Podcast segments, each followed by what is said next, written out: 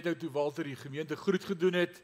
Ons gemeente gaan van die 1 Februarie af ons jaarlikse 21 dae van vas gaan ons doen. Dis 'n tyd van gebed in die eerste plek en vas. Dis nie net vas nie. Dis nie 'n die dieet nie. Dis nie net 'n Daniels vas nie. Dis 'n tyd van verootmoediging om die aangesig van die Here regtig te soek en te bid. Uh die woord sê klop en vir jou sal oopgemaak word. Soek en jy sal vind. Ek staan met die deur en ek klop. Hy wat oopmaak, ek sal inkom en met hom 'n feesmaal hou. So ons gaan regtig ons uh verootmoedig voor die Here en sy aangesig soek en ons gaan ook vas. So ek wil jou aanmoedig en motiveer. Jy het nou 3 dae om met die Here te praat, Maandag, Dinsdag en Woensdag voor die vas begin. Vra vir die Here, wat is daar in my lewe wat te belangrik is vir my? Wat ek moet los? Die woord sê soek allereers die koninkryk van God Matteus 6:33 en sy geregtigheid en al die dinge waarna jy so baie soek sal vir julle bygevoeg word. So ons gaan absoluut van die 1ste tot die 21ste Februarie onsself verootmoedig voor die aangesig van die Here en vra vir hom, wat is te belangrik vir my? Spandeer ek te veel tyd voor die TV? Is ek te veel op Facebook? Wat ek te veel wat gebeur op WhatsApp of op die nuus? Uh wat is daar in my lewe wat te belangrik geword het wat ek wil een kan skuif en sê ek gaan weer God se aangesig soek. Dit is belangrik. Ek uh, het vir my vrou voorgestel dat ek haar offer vir 'n tyd, maar sy wil niks daarvan weet nie. Sy het gesê enigiets anders. Uh, en Paulus sê ons moet in agreement wees daaroor. So Jan, jy kan nie net besluit jy gaan nou 21 dae net so 'n bietjie uh, nee, ons moet saam die aangesig van die Here soek. So in daardie gedagte wil ek vanmôre met jou praat oor God se een plan. Sê saam met my een plan. Hy het nie baie planne nie. Daar's nie verskillende planne nie. Die hele woord van God gaan oor een plan van Genesis 1 vers 1 tot die einde van Openbaring is een plan. God het een plan, een doel en ek wil vanmôre hierdie een plan met jou share in die lig van ons vas wat vir ons voorlê dat ons ook so gestruktureerd sal bid. In hierdie tydperk gaan ons elke oggend 5 uur sal ons op ons nuus en info groep 'n SMS of WhatsApp deurstuur wat sê waarvoor ons vandag bid en ons gaan as hele gemeente saam vir daai een onderwerp bid daai dag. So jy gaan elke dag weet waarvoor om te bid. Alraight.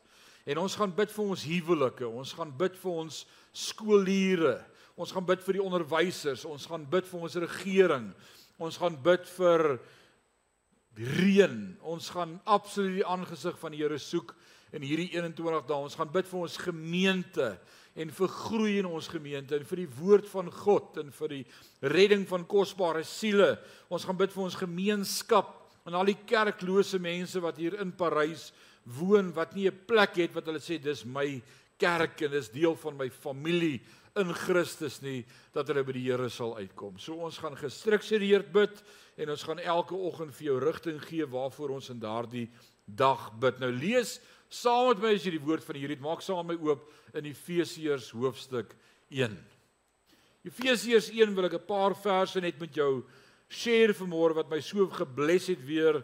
Ons is by ons oordeenkingsreeks in die oggende wat ons uitstuur ons dagstukkies besig om te praat oor hierdie teks want dit het my net weer so aan die hart gevat toe ek besef wat God se een plan is dat ek dit vanmôre met ons opnuut weer wil share met elkeen hier in Sion. Ons het 'n wonderlike eerste diens gehad vanmôre. Hier was regtig nie plek in hierdie kerk vir mense nie. Die kerk was vol. En uh, ons gebed is dat die Here ons tweede diens net so vol gaan maak. En as die Here ons bless met 'n derde diens, we gladly serve. Dan doen ons 'n derde diens. Uh maar mag elkeen wat 'n honger het in sy hart om by die Here uit te kom by Sion 'n plek vind waar hy met God kan connect. Dis so belangrik. Nou in Efesiërs 1 vind ons die langste sin in die Bybel. Jan, het jy dit geweet? Die langste sin in die Bybel vind ons in Efesiërs 1 vanaf vers 7 tot vers 14. 7 8 9 10 11 12 13 14 8 verse is een sin. Nou ek weet dalk het jy nou die nuwe lewende vertaling of selfs die 2020 daar by jou en jy sê maar hier's 'n klomp punte in my verse. Die oorspronklike teks het hierdie hele gedeelte as een een sin, een gedagte, een en dis 'n mond vol. Jy gaan vanmôre gaan ons 'n bietjie daarna kyk. Dis 'n mond vol. Wat is die langste hoofstuk in die Bybel?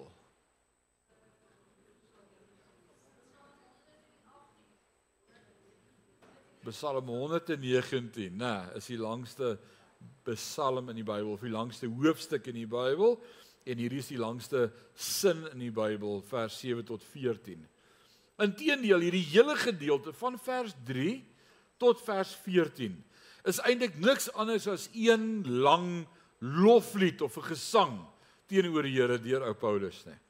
Dis een lang gesang of 'n loflied, 'n lied van verlossing En ek dink dis meer om oor na te dink in hierdie een sin as in baie ander sinne in die Bybel. Hier is soveel waarheid in hierdie sin. En hierdie lied het 3 verse. As jy hierdie lied gaan opbreek, bietjie die van julle wat iets weet van musiek af of musiek skryf of liede skryf, uh, jy het 'n vers en dan jy 'n koorgedeelte. En die koor herhaal gewoonlik so deur 'n lied. Vers 1 koor, vers 2 koor, vers 3 koor. Hierdie lied het 3 verse met 3 koorgedeeltes. Die eerste vers is vanaf vers 3 tot 6. Dit handel oor die werk van die Vader. Die eerste vers wat hy skryf handel oor die Vader en dan kom die koorgedeelte. En dan skryf hy 'n vers vers 7 tot 12 oor die werking van die Seun en dit wat Jesus Christus vir ons gedoen het en dan kom sy koorgedeelte en dan vind ons in vers 14 die derde vers wat handel oor die werk van die raai. Vader, Seun en Heilige Gees en dan kom sy koor gedeelte. En elkeen het dieselfde koor vers 6 se einde sê tot lof van die heerlikheid van sy genade. Vers 12 sê sodat ons kan wees tot lof van sy heerlikheid. In vers 14 sê wat die onderpond is van erfdeel om sy eiendom te verlos tot lof van sy heerlikheid. Elke keer eindig hy hierdie gedeeltes met sê daar's een belangrike ding, dit gaan alles oor die lof van hom. Is dit amazing nie? Waaroor gaan alles? Oor sy lof. Om aan hom lof en eer te bring. Daar's niks anders nie. So kom ons kyk van vers 7 af net vinnig na hierdie gedeelte totdat ons kom by hierdie wonderlike waarheid oor wat God se een plan is. In hom vers 7 het ons die verlossing deur sy bloed. Sê saam met my, het ons. Is dit nie 'n amazing belofte vanmôre nie? Gaan jy dit kry? Is dit eendag? Is dit miskien? Is dit dalk? Nee, hy sê ons het dit. Chris, is dit nie amazing nie? Jy het dit. Jy het die verlossing.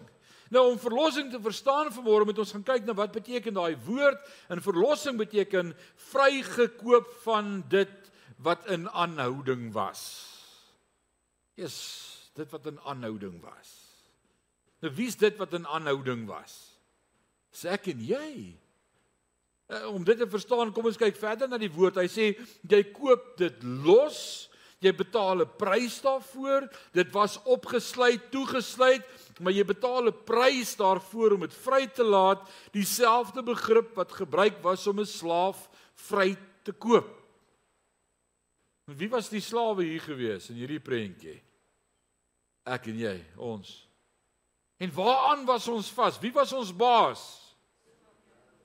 Sonde was ons baas gewees.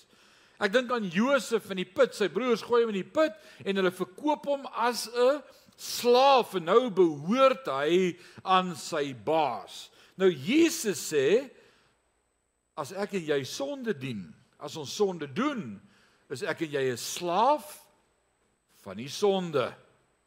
Yes like. Nou dit sal amazing wees as elkeen van ons vanmôre hier verstaan en kan getuig daarvan dat die woord waar is wat sê ons het reeds die verlossing deur sy bloed. Met ander woorde, as Paulus dit vir ons skryf in Efesiërs 1 vers 7, dan sê hy per se nie een van ons hoef meer vasgevang te bind te wees deur sonde nie. Is dit nie amazing nie? En as ek toe vanmôre sou gevra wie getuig daarvan dat sonde glad nie meer hou vas op jou het nie, dan gaan daar van ons wees wat nie ons hand kan opsteek nie. Want ons gaan klink soos daai liedjie van ek se dapper muis, nê. Behalwe vir hmm, is daar niks wat my vashou nie. O ja, behalwe vir my hier meer en behalwe vir Daar's dinge in ons lewe en God sê ek het gekom sodat jy daarvan kan vry wees. Nou dis daarom een van die hartseerste goed in ons lewe oom Kobus om te dink God het ons vrygemaak en ons is nie vry nie. Want ek kyk na die kerk, ek kyk na die prentjie van die kerk van Christus oor die wêreld en ek sê Here, is dit regtig hoe 'n vry kerk lyk, Jan? Is dit hoe vry mense lyk? Ek bedoel kyk net in die spieël, jy het 'n lang gesig, die las. Dit klink aan daai liedjie van Koos van der Merwe wat so sê, dis so swaar om jou las te dra. Ek is nie vry nie.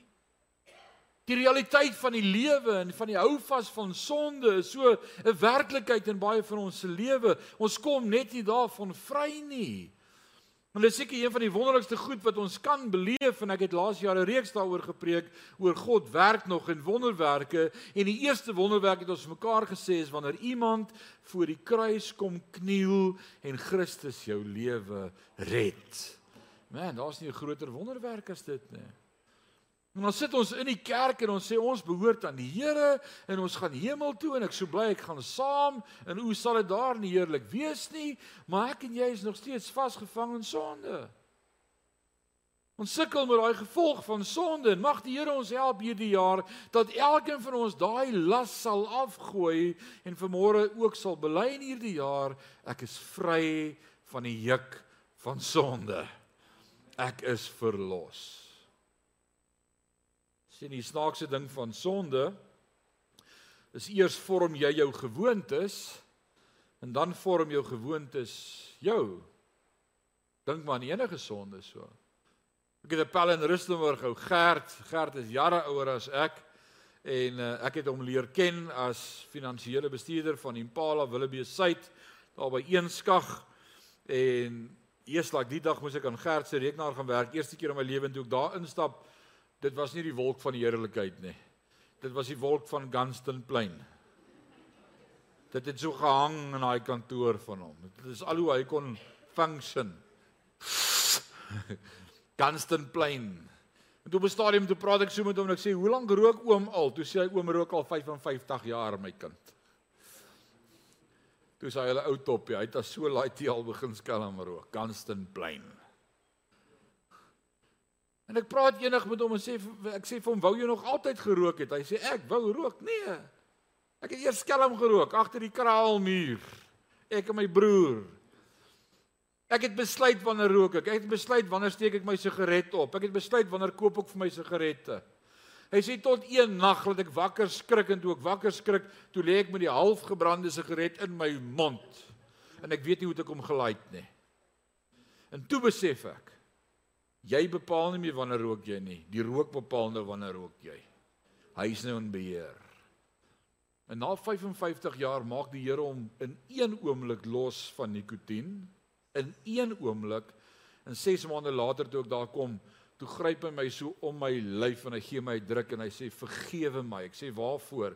Hy sê vir hoe ek gestink het toe ek gerook het. Want vir die eerste keer kan ek weer ruik.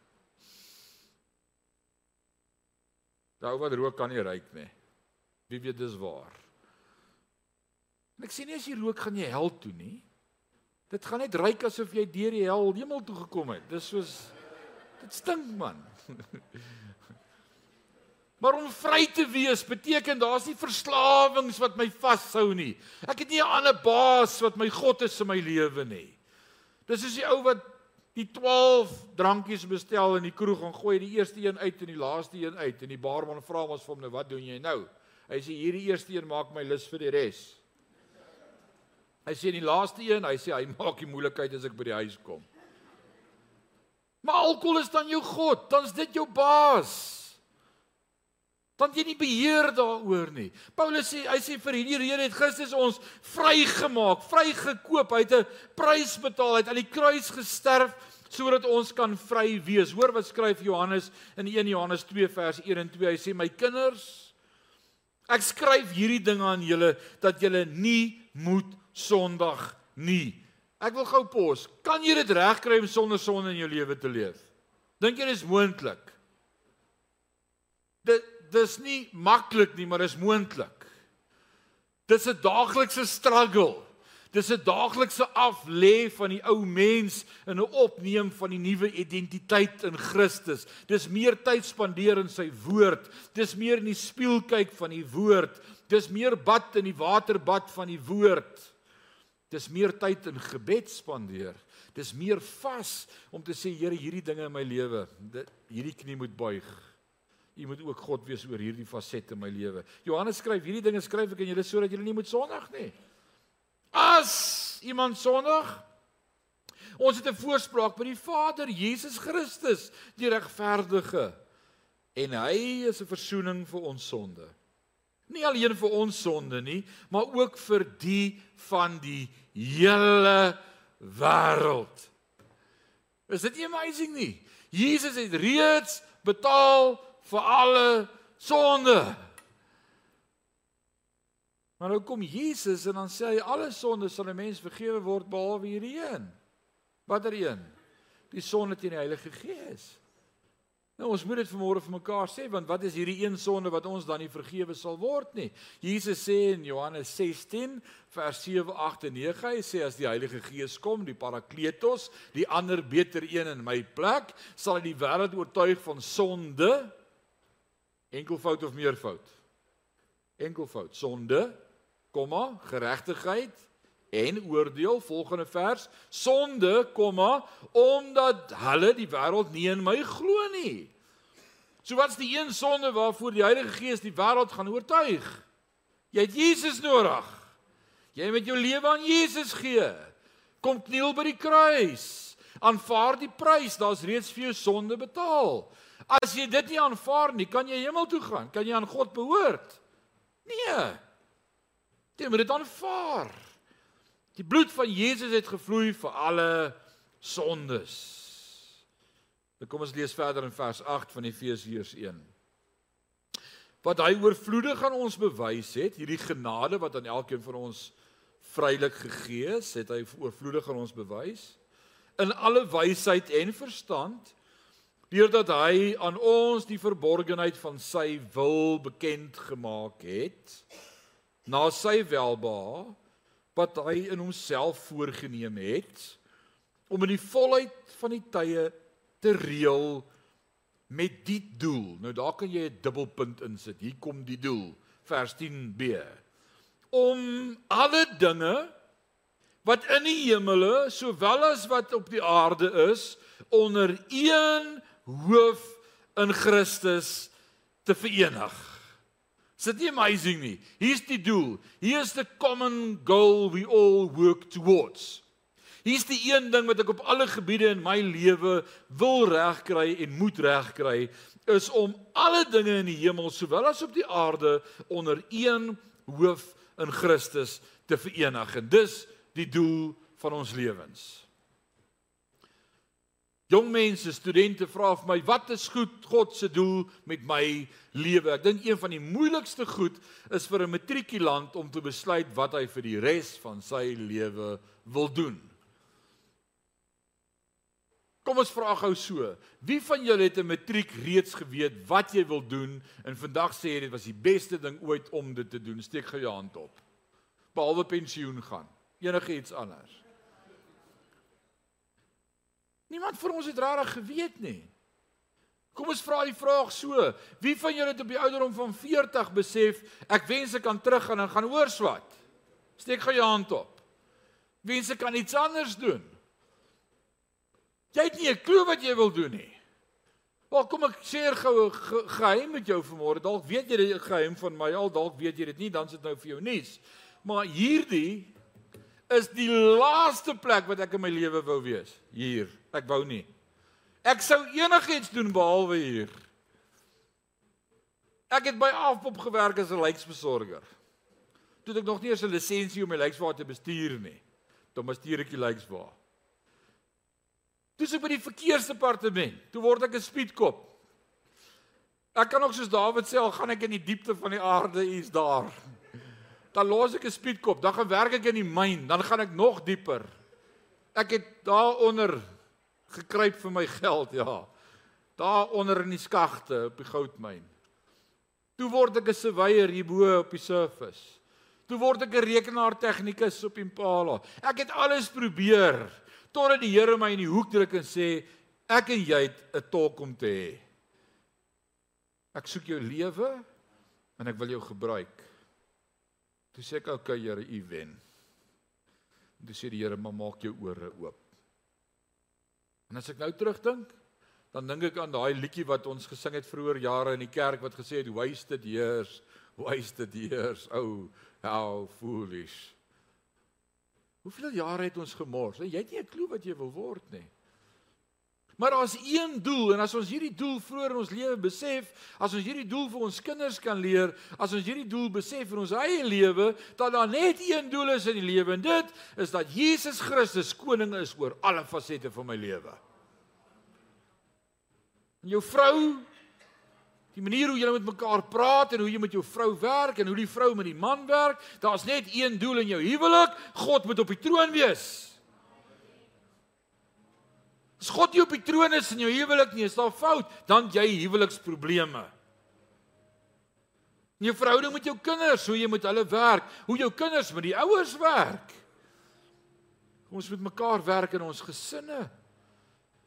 Hoe gesinne oor mekaar voel, hoe families oor mekaar voel. Hoeveel families is in die laaste 4 jaar uitmekaar uitgeskeur deur besluite en omstandighede. Hoeveel families sit nie aan dieselfde tafel nie en sê nee, as hulle kom, kom ek nie. Maar God ons help dat ons sy doel sal ontdek. En dis dat alles in die hemel en op aarde onder een hoof sal staan. En ons almal saam sal hande kan vat en sê Jesus Christus is die Here. Jan, hy's die Here. Hy's koning dat Sion in elke bymekaarkoms of dit nou 'n vroue bidtuur of 'n woordskool of 'n gemeentediens of 'n selgroep of 'n klein groep of 'n huisbesoek by elke geleentheid moet daar net een ding gesê kan word. Jesus Christus is die Here. As ons in hierdie 21 dae as gemeente saam vas en bid dan is dit wat ons uitroep elke dag by elke geleentheid dat Jesus Christus die Here is. Dis al. Dis ons boodskap. Dis waarvoor ons bid. Wat leer Jesus ons bid in die Onse Vader? Twee keer kom die disippels by hom en sê vir hom: "Leer ons bietjie om te bid asseblief." Wat leer Jesus hulle bid? Wat is die belangrikheid van hierdie gebed wat ek en jy nie moet mis nie? Hy sê: "Laat U wil geskied. Laat U koninkryk kom soos in die hemel so ook op die aarde. Dis wat ek en jy hier doen. Dis wat Sion en Parys doen. Ons bou God se koninkryk. En ons sê vir Parys, Jesus is die koning.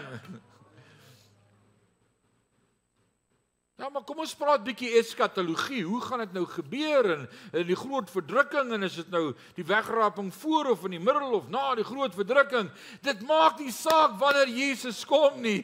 Alles sal voor hom buig en elke tong sal bely dat hy God is. Jesus Christus, die Here. Dis die enigste belangrike ding in my lewe. Jesus die Here, het jy gekniel voor die kruis? Het jy hom ingenooi? Kan jy sê ek is vrygekoop deur die bloed van die lam? Dis al wat ons kan sê. En dis waarvoor ons as gemeente gaan bid in hierdie volgende 21 dae spesifiek is Here dat u koninkryk sal kom, dat u wil sal geskied in die hemel so ook op die aarde. Man, dis ons gebed wat ons gaan bid.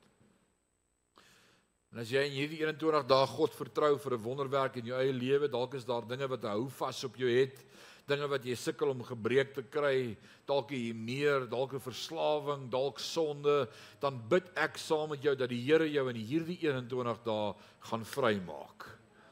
Dat die hou vas van sonde vanweë die vettigheid van die heerlikheid van die Here van jou af sal val en sal breek. Vertrou die Here in ons gemeente en ons gaan elke oggend sal ons vir jou 'n WhatsApp uitstuur om te sê vandag bid ons vir. En jy bid saam met ons en ons vertrou die Here vir 'n groot wonderwerk. Mag God eerste wees in jou lewe. Mag God eerste wees in jou lewe. Mag sy heerlikheid eerste wees in jou lewe. Mag God se opinie eerste wees in jou lewe. Mag dit wat jy sê altyd God se koninkryk bevorder en uitbou. Mag ons in elke optrede en elke woord en elke gedagte altyd sê alles sal die knie buig voor Jesus die Christus. Kom ons bid saam. Onse Vader van ons Here Jesus Christus. Wat 'n voorreg vir ons vanmôre om u woord te kan oopmaak en die woord te hoor en die woord te verstaan. Vanmôre te hoor wat God se plan is met die heelal. Dat elke faset van die heelal in die hemel en op aarde die knie sal buig voor Jesus Christus en sal erken dat U die koning is, die konings van alle konings, die Here God, skepper van hemel en aarde. Vader, en ons wil ons wil ons lewe opnuut aflê voor U vanmôre opnuut bid word verheerlik deur ons. Laat die koninkryk kom, laat die wil geskied. Ons wil bid vir ons gemeente vir Sion. U het gesê u maak ons 'n stad op 'n berg en ons kan dit nie onder die maat emmer sit nie en ons kan dit nie wegsteek nie. En het gesê jy sal die nasies trek. En het gesê jy sal die mense trek uit die gemeenskap uit. En ons bid nie vir ander lidmate van ander kerke nie. Ons bid vir elke gesin in Parys wat nie 'n kerk het en deel is van die familie van Christus nie Here dan moet ons 5 dienste op 'n Sondag hou, sal ons 5 dienste hou om plek te maak dat mense by die kruis kan kom kniel en voor U buig en sê Christus is die Here van my lewe. Ons eer U daarvoor. Ek wil bid vir hierdie tyd van vas en gebed in ons gemeente dat ons regtig met U sal connect en met U sal ontmoet. Sit eenkant dit wat belangrik is vir ons Vader dat ons eers die koninkryk van God sal soek en sy geregtigheid. Dan U ook al hierdie ander dinge vir ons sal byvoeg uit U groote genade. Wees met ons, lei ons. Dankie dat ons kan bely dat U teenwoordigheid met ons is en dat U vir ons genoeg is. Dankie dat ek elkeen kan seën in hierdie dag. Dat ons U vrede sal beleef en ervaar wat verstand te bowe gaan, soos wat die woord ons beloof in Filippense 4 vers 7 aan al die lof en al die eer en al die heerlikheid en al die aanbidding van ons harte word verheerlik is ons gebed in Jesus naam. En Sion sê amen en amen